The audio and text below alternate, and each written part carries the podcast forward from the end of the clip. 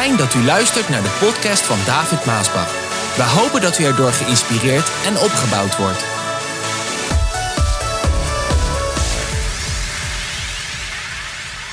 Er zijn drie soorten van mensen in de kerk. Daar ga ik zo over spreken. Tot welke behoor jij? En voor de ouderen u. Ga maar opletten.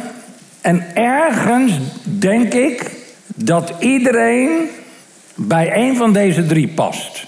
En ga zelf maar kijken waar jij denkt dat jij past. We gaan lezen uit 1 Korinthe 3.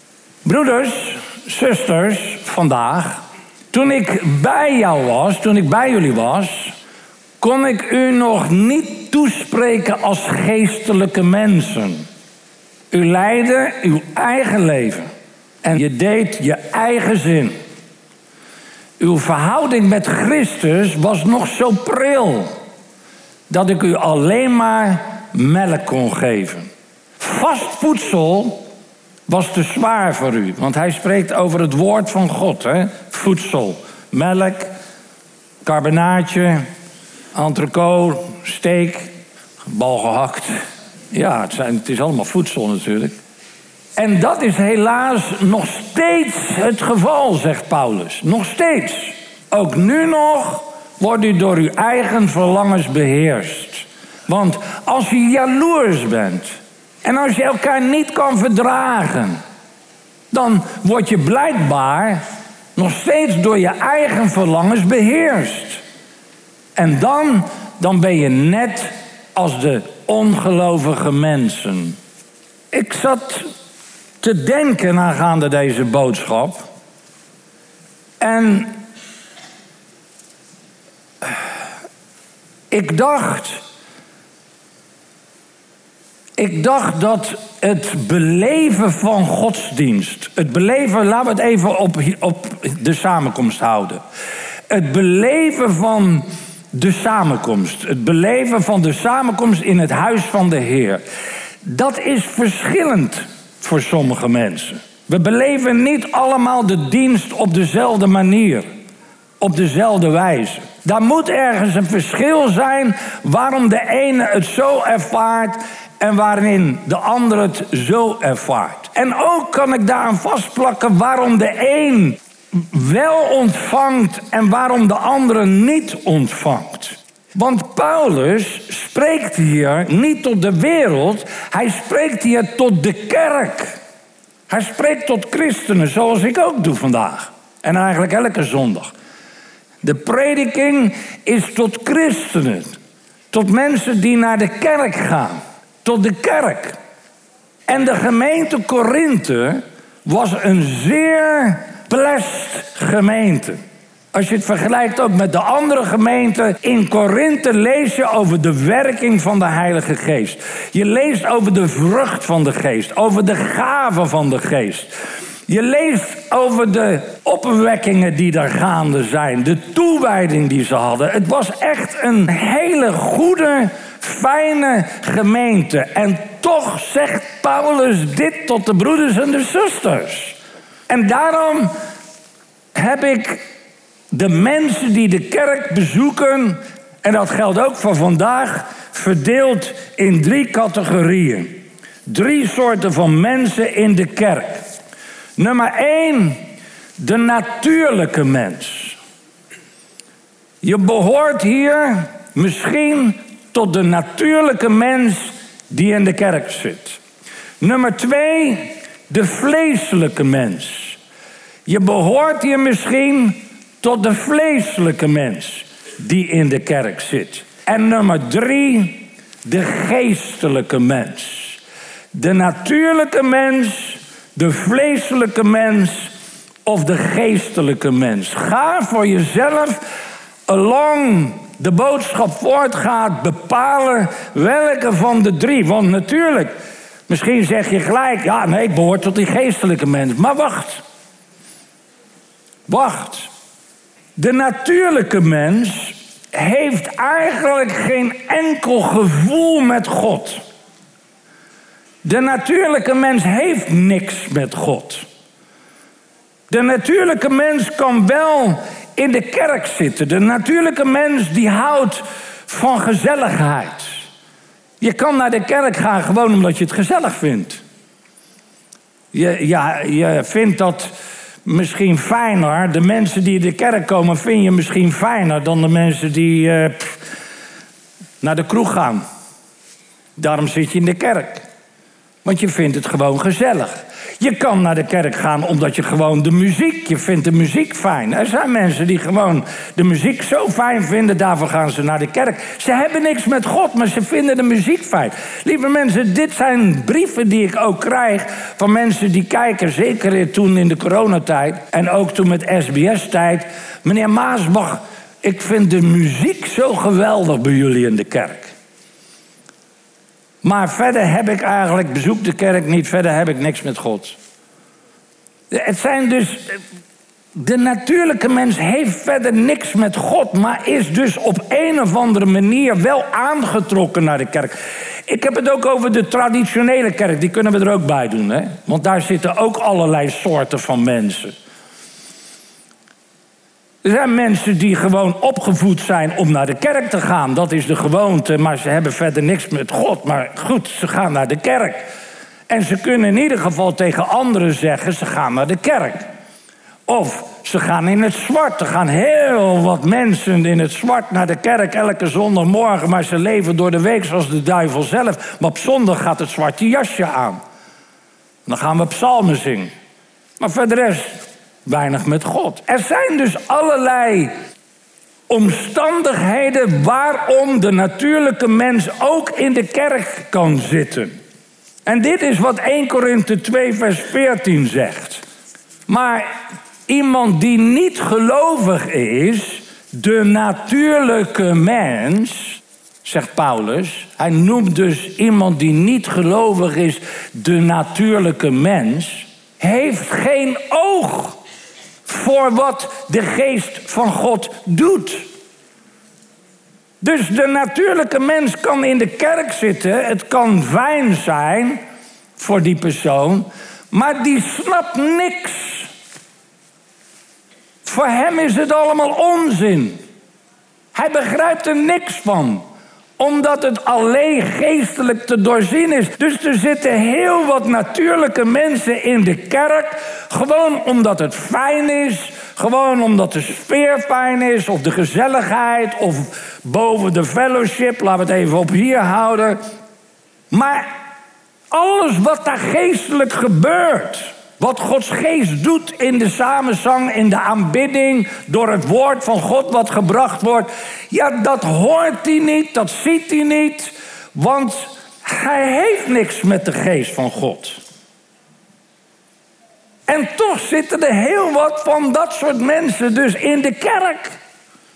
Op een of andere manier worden ze aangetrokken om in de kerk te zitten, want dat vinden ze fijn. Maar ze hebben verder niks met God. Nou, ik weet niet of je tot die categorie hoort. Als jij een natuurlijke mens bent, dan hoef je niet zo te blijven.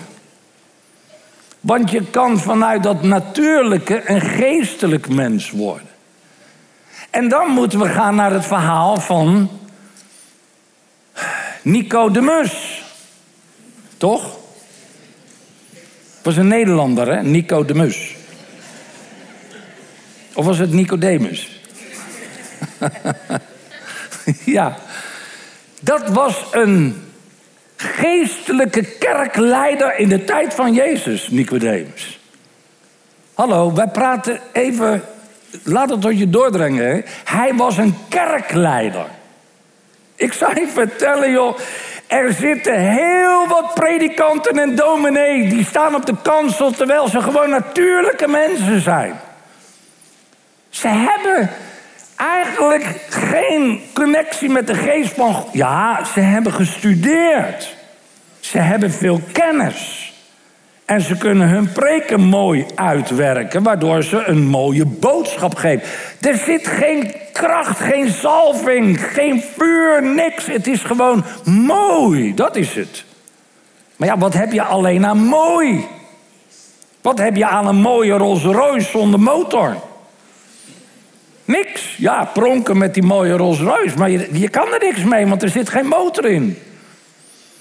En zo zijn er dus heel wat van die predikanten die eigenlijk gewoon natuurlijke mensen zijn. Ze hebben eigenlijk hun baan als predikant als een job, als een baan, als een betaalde baan. Net als dat een andere gewoon een pombediende is, zo zijn hun predikant. Maar zo hoeft het niet te blijven en te zijn. Zo was het ook met Nicodemus. Hij was een kerkleider.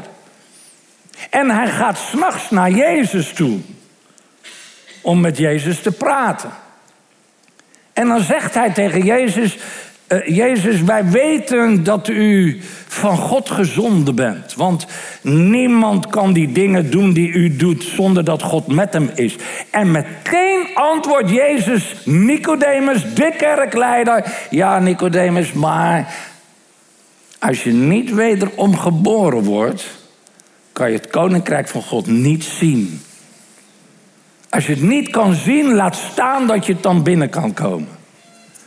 En Nicodemus, de kerkleider, begreep daar niks van. Zoals vandaag heel wat predikanten en dominees niks van het diepe geestelijke begrijpen dan alleen ja, de mooie theologische uitleggen van de Bijbel. Hij begreep er niks van. Hij zegt, maar hoe bedoel u? Dat kan toch niet wat u zegt? Hij kon het ook niet geloven. Want hoe kan dat nou, zegt hij. Moet ik dan terug in het lichaam van mijn moeder om dan opnieuw geboren te worden? Nee, zegt Jezus, je begrijpt het niet. Je begrijpt het niet. En dan probeert de Heer dat uit te gaan leggen daar.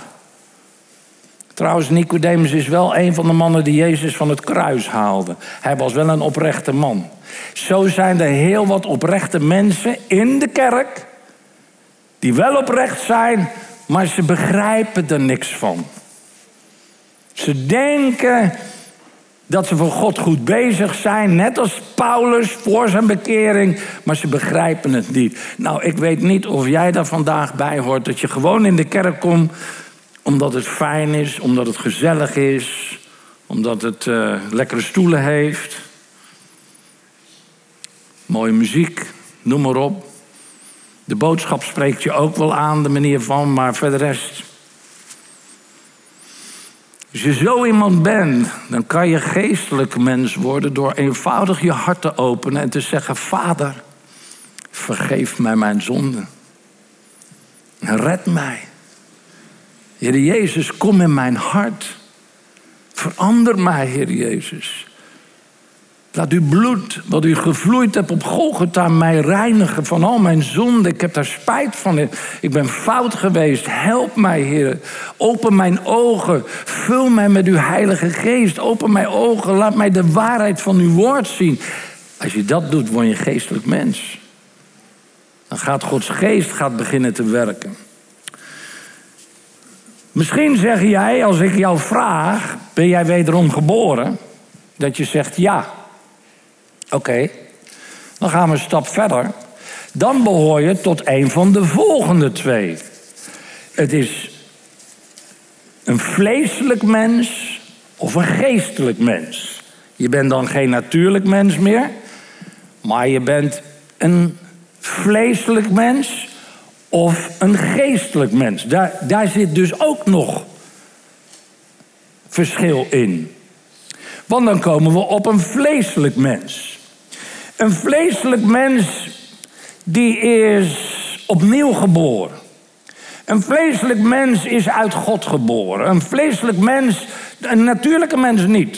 Daar hebben we net over gehad. Is niet uit God geboren, kent de geest Gods niet, maar een vleeselijk mens wel.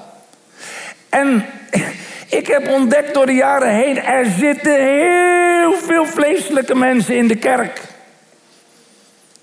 Een vleeselijk mens die gaat naar de hemel. Want je bent opnieuw geboren. Je bent een kind van God. Je gelooft daar ook in. Je bent gewassen door het bloed. Je leeft met liefde aan God. Je komt dus in de kerk omdat je opnieuw geboren bent. Je vindt het fijn in de kerk. Je doet mee. met opheffen van handen of gebed en noem maar op. Maar alles in je leven draait om het vlees. Want je bent vleeselijk. Je tong is niet onder controle.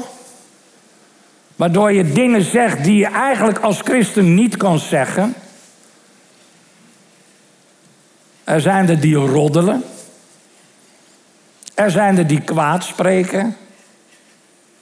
Vind je dat in de kerk, David? Och man, je vindt nog veel erger in de kerk. Je vindt nog veel erger in de kerk.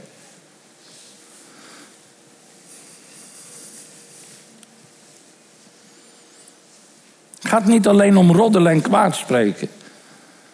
Je bent altijd bezig met de dingen van het vlees. Je reageert ook altijd in het vlees. Niet in de geest. Je reageert in het vlees. Je bent gauw boos, boos op mensen, je zegt dingen. Je reageert. Trouw.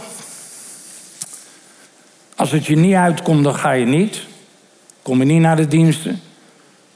Want de dingen van de wereld, hè, je baan of hoe vaak hoorde ik niet, uh, ja broeder David, wil wel gaan, maar uh, ik heb een verjaardag. Het, dat is allemaal vlees. In plaats van de dingen van de Heer ben je bezig in het vlees. Je hebt moeite om te vergeven. Als er iets is aangedaan. Het liefste zou je terug willen, boem. Reageren. Je hebt gewoon moeite ermee. Er zijn zoveel dingen die ik zou kunnen aanhalen over het, het leven in het vlees. Gewoon eigenlijk, het punt met vleeselijke mensen is, ze leven met één been in de kerk, in de dingen van de Heer, en ze leven met een andere been in de wereld. Dat is eigenlijk een vleeselijke mens. En dan, en dan, als ik dingen zou. Ik was net in de worship. En dan bid ik altijd, Heer, beweeg met uw Heilige Geest. Werk door uw Heilige Geest. En de laatste tijd werd ik zo bepaald, vandaar dat ik ook dit soort een boodschap als deze moet brengen. Dat ik dacht, er gebeuren zoveel dingen in de kerk die eigenlijk gewoon niet kunnen. Die niet mogen, die niet kunnen. Dat mag niet plaatsvinden. Onreine dingen. Laatst uh, heb ik dat ook nog gezegd. De jonge mensen die denken dat ze gewoon seks kunnen hebben voor het huwelijk. En, en dan heb ik het nog niet eens over de kerk, de, de brede kerk, waar de regenboogvlaggen buiten en de homo's en de lesbies komen allemaal maar binnen. Ze worden nog in de bediening en ze staan op de kans of weet ik veel mensen. Dat zijn allemaal dingen die kunnen niet. En er zijn ook dingen die in elke gemeente gebeuren, die kunnen niet. En dan denk ik bij mezelf, ik bid dan Heer, beweeg door uw geest, maar God is heilig. Er zijn dingen die gaan niet samen met de heilige God. En hoe moet God dan bewegen met zijn geest en dingen doen als daar, oh, als daar dingen zijn die opgeruimd moeten worden, die weggedaan moeten worden? In het Oude Testament zegt God ergens tegen zijn volk, hij zegt, kom alsjeblieft niet meer in mijn huis. Met het offeren wat jullie doen en met, met, met Jullie eren mij met de lippen, maar je hart is ver van mij. Doe dat vingerwijzen weg. Doe al die dingen weg die niet uit mij zijn. En hoe donkerder, vuiler de tijden ook worden, hoe meer dat probeert om de kerk binnen te komen. Wow, ik ben blij dat ik deze dingen kan zeggen en moet zeggen. Dit hoort in de kerk gepredikt te worden. Ja, zo is het. Deze dingen moeten gezegd worden. En wat als de Heere God in het midden, stel je voor, dat de profetische salving zo op mij rust, dat ik naar je toe loop en dat ik je expose. Wat? In het midden, hè? In het midden van iedereen. Maar God ziet het wel, hè? God ziet alles, God hoort alles, God weet alles. Vleeselijke mens die houdt van beide, net als Simpson. Hij was een man van God, geweldig. Maar hij was ook bezig met de lila. En vleeselijke mensen, die verliezen het uiteindelijk. Want je houdt het niet vol. Je houdt het niet vol om en God te dienen met één been in de wereld en met één been in de kerk. Je houdt het niet vol.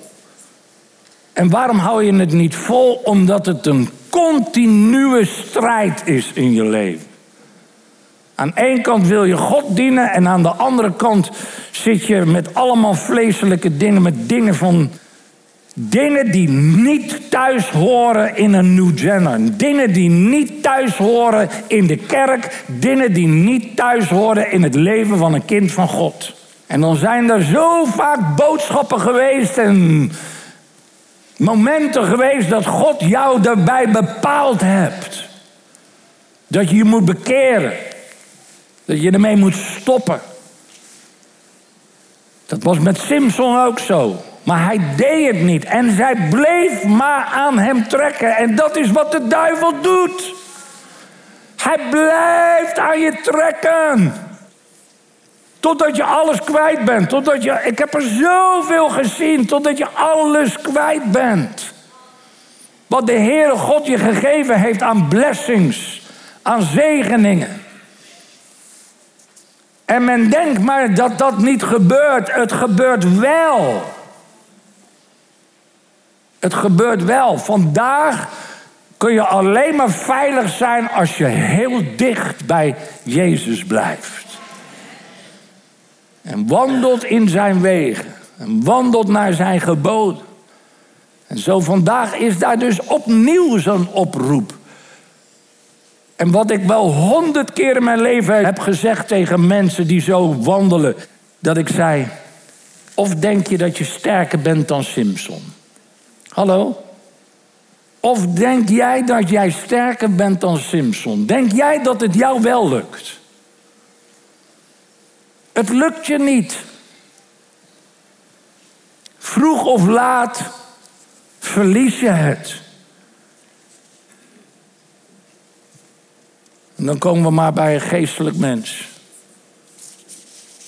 Want daar praat ik eigenlijk het liefste over. Maar ik moet die andere twee aanhalen, want ergens moet jij bepalen wie van de drie je bent. Een geestelijk mens is een mens die wandelt en leeft in de geest. Die wandelt en leeft in de geest van God. Efeze 5, vers 18. Bedrink je niet want daardoor verlies je de controle over jezelf, jonge mensen.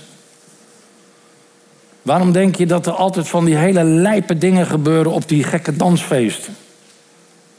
Die gekke dansfestivals met die, met die rare muziek. Vroeger had je tenminste nog dat ze hè, in ieder geval een lied zongen. Maar tegenwoordig is het.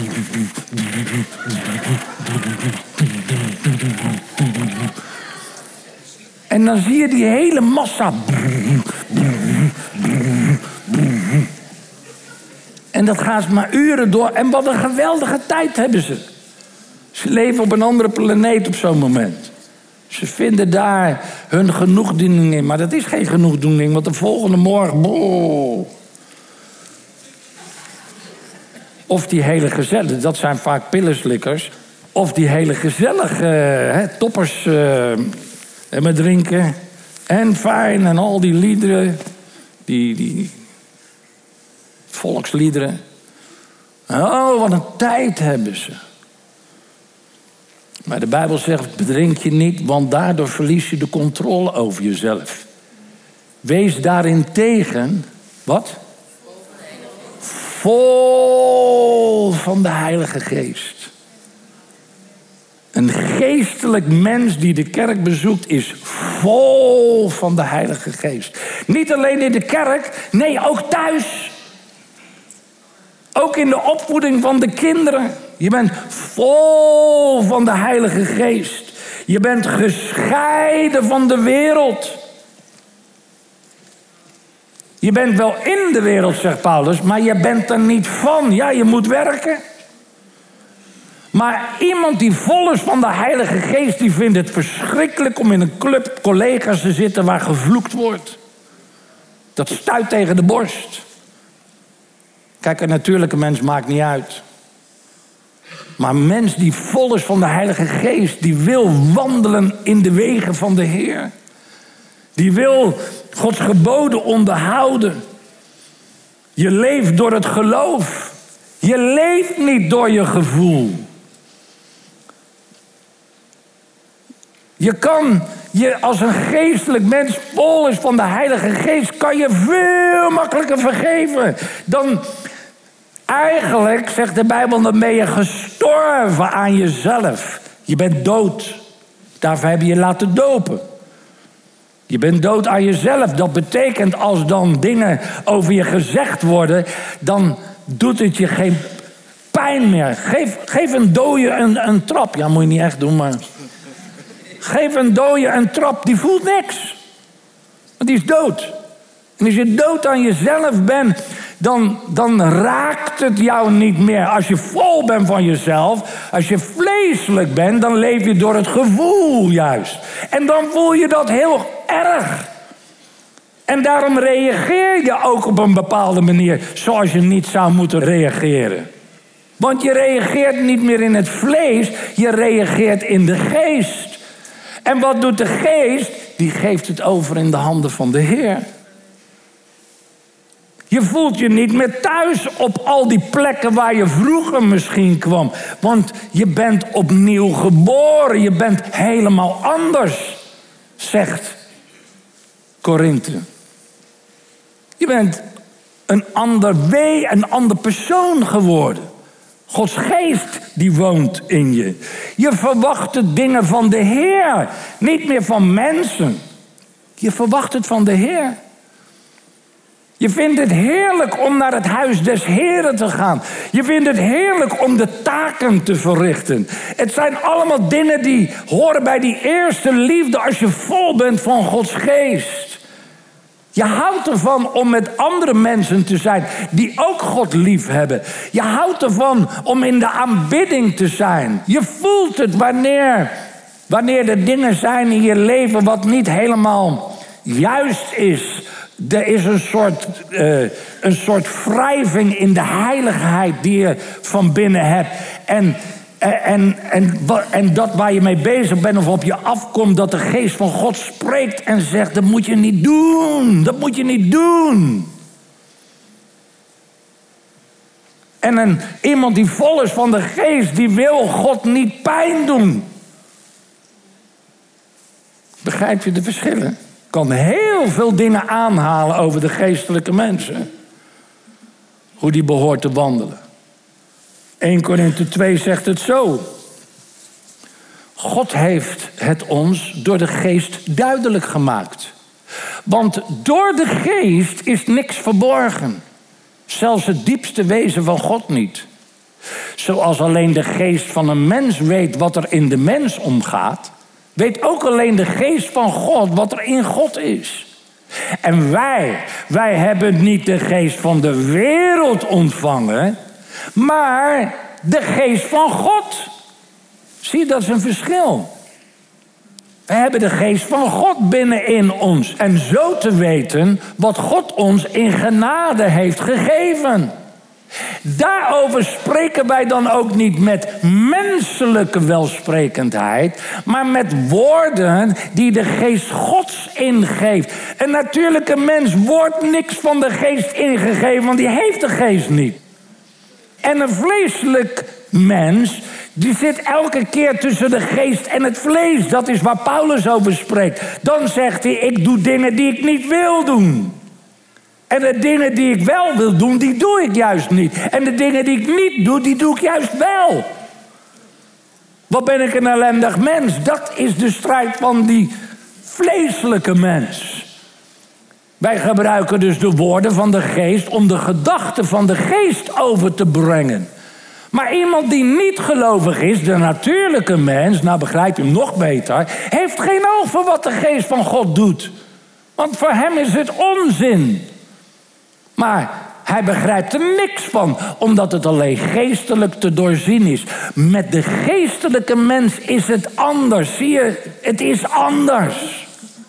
Vandaar dat ik dat onderscheid maak. Het is anders. Die kan alles doorzien. Als je de Heilige Geest hebt, dan doorzie je de dingen. Dan, dan word je erbij bepaald. Daar moet je niet heen gaan. Met die moet je geen contact hebben. Dat moet je juist wel doen. Dat contact moet je juist wel maken. Je moet juist naar die eenzame plaats gaan, die eenzame weg, etc. Dat is wat de geest Gods je doet. Die weet alles, hoort alles, ziet alles. Maar kan op zichzelf, op zijn beurt, niet door de natuurlijke mensen doorzien worden. Nee, daarom krijgen ze geen grip op mij. Daarom krijgen ze geen grip op mij. Ja, ze zeggen wel van alles. En ze hebben van alles over mij geschreven. Maar ze krijgen geen grip op mij. Op mijzelf. Snap je? Ik ga gewoon door. Met het woord van God prediken. Heerlijk naar de samenkomsten. God te loven, te prijzen, te danken, te leven door de geest. Ze krijgen geen grip op mij. En ze krijgen ook geen grip op jou. Want waar zij grip krijgen is als jij een fout maakt en je gaat ergens waar je niet moet zijn. Dan ben je kwetsbaar. Maar de geest Gods houdt jou tegen en zegt: niet doen vanavond. Niet gaan vanavond. Je moet het zo niet doen. Je moet het in orde maken. Dat zijn de dingen die de geest Gods, die leidt je elke dag, dag en nacht. Je kan de hele dag en de hele nacht in de geest met God praten, weet je dat? Die wordt nooit moe. Maar een vleeselijke mens heeft daar geen zin in. Die, is, uh, die slaat zijn Bijbel open en binnen vijf minuten heeft hij er geen zin meer in. Een natuurlijke mens doet zijn Bijbel niet eens open. Maar een vleeselijke mens doet in ieder geval nog zijn Bijbel open. Maar dan word je moe. Of bidden, lukt ook maar twee minuten. Word je ook moe weer gaan slapen. Dat is wat het vlees wil. Maar de geestelijke mens kan uren praten met God. En God danken. Wat was het ook alweer? Bovendien staat er in de boeken: wie kent de gedachten van de Heer? Wie zou hem raad kunnen geven? Wij hebben de gedachten van Christus. Een geestelijk mens heeft de gedachten van Christus. Een geestelijk mens geeft. Een geestelijke mens vergeeft. Een geestelijke mens die houdt zich aan zijn woord. Een geestelijke mens die zegt de Heer eerst. Niet dat, niet dit, niet zus, niet zo. De Heer eerst. En hij zal voorzien. Een geestelijk mens is wat ik vandaag ook noem een echte New Jenner. Een New Jenner die wandelt zoals Sadrach, Mesra en Abednego. Een New Jenner die wandelt zoals Daniel, zoals Jozua, zoals Caleb ja, ik begrijp heus wel dat je erg veel naamchristenen hebt. En zo krijg je ook nog wel naam New Jenners. Ze dragen misschien een t-shirt met New Gen, maar ze leven helemaal niet als een New Jenner. Nou, dat kan, maar God kent het hart. Hij weet of je echt bent of niet. En zo wil ik eigenlijk bidden, Heer, dat uw kerk juist sterk zal zijn sterk zal zijn omdat we leven als geestelijke mensen. Ons lichaam is een tempel van God. God woont in ons. En hij heeft ons zijn heilige geest gegeven. Die we kunnen bedroeven. Die we kunnen verblijden. Die we ook verdriet kunnen doen. En Heer, ik bid u dat uw kerk sterk zal zijn. Dat uw kinderen sterk zal zijn. Dat ze zullen wandelen elke dag en s'nachts zullen gaan slapen. Vol van uw Heilige Geest, vol van uw liefde, genade, goedheid, barmhartigheid, vrede, rust, blijdschap en overwinning. O, heren, laat uw geest toch werkzaam zijn in de kerk en vergeef onze schulden. Doe niet naar onze tekortkomingen. Doe niet naar onze fouten, heren.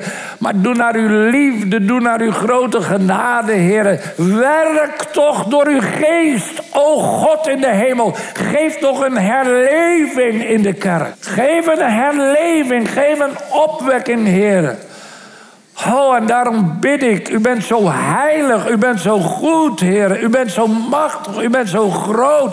Vergeef ons als we fout zijn geweest. En help ons om rechte voren te trekken. Help ons te wandelen op dat smalle pad, hoe moeilijk het ook is.